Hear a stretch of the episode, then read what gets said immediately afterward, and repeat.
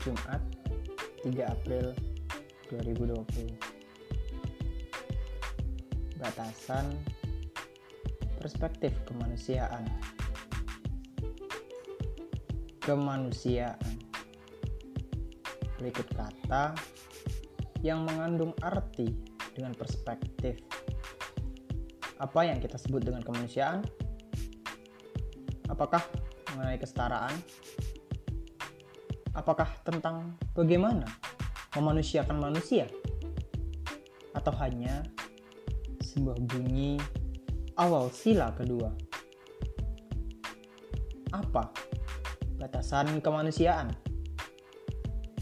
Manusia jenis mana yang menjadi acuan? Dan itulah pertanyaan mendasar mengenai konsep kemanusiaan yang hanya menjadi sebuah perspektif. Pikiran dan cara pandang kita, kita terbiasa mendengar dari sudut pemikiran para ahli. Sedangkan pola pikir independen, kita terkikis, tidak berharga, dan cenderung mengikuti alur sudut pemikiran itu dalam menghadapi masalah.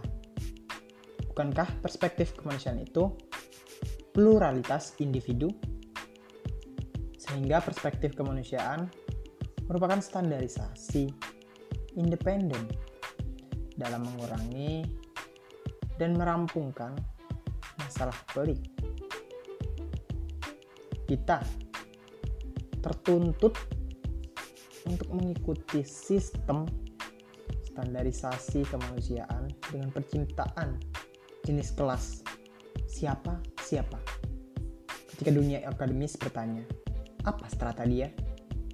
Kemudian dunia kerja bertanya, lulusan mana dia? Media pun sama. Tulisan siapa sih ini? Pemikiran inilah yang membuat sebuah perspektif kemanusiaan terdiam sejenak. Jadi, pemikiran macam apa yang sedang dibangun dunia? Apakah pemikiran pembatasan ruang berpikir independen terhadap kemanusiaan atau perspektif kemanusiaan berdasarkan jenis kelas dan hubungan sosial?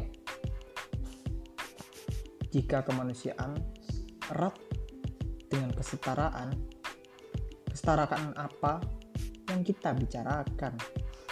Bagaimana dengan memanusiakan manusia? Apakah kita telah selesai dalam menafsirkan apa itu kemanusiaan dan sepakat mengenai cita-cita kemanusiaan. Dengan hanya termaktub dalam bunyi bulir butir sila kedua, adil dan beradab.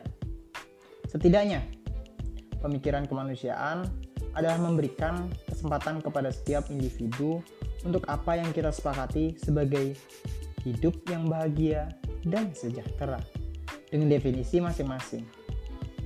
Bahagia karena dapat memperoleh pendidikan yang baik dan tinggi, dapat memilih pekerjaan yang beragam, tinggal di tempat yang layak, bebas dari rasa takut dan ancaman, dapat berbuat lebih, memiliki kasih sayang, dan cukup memiliki kemerdekaan. Berpikir.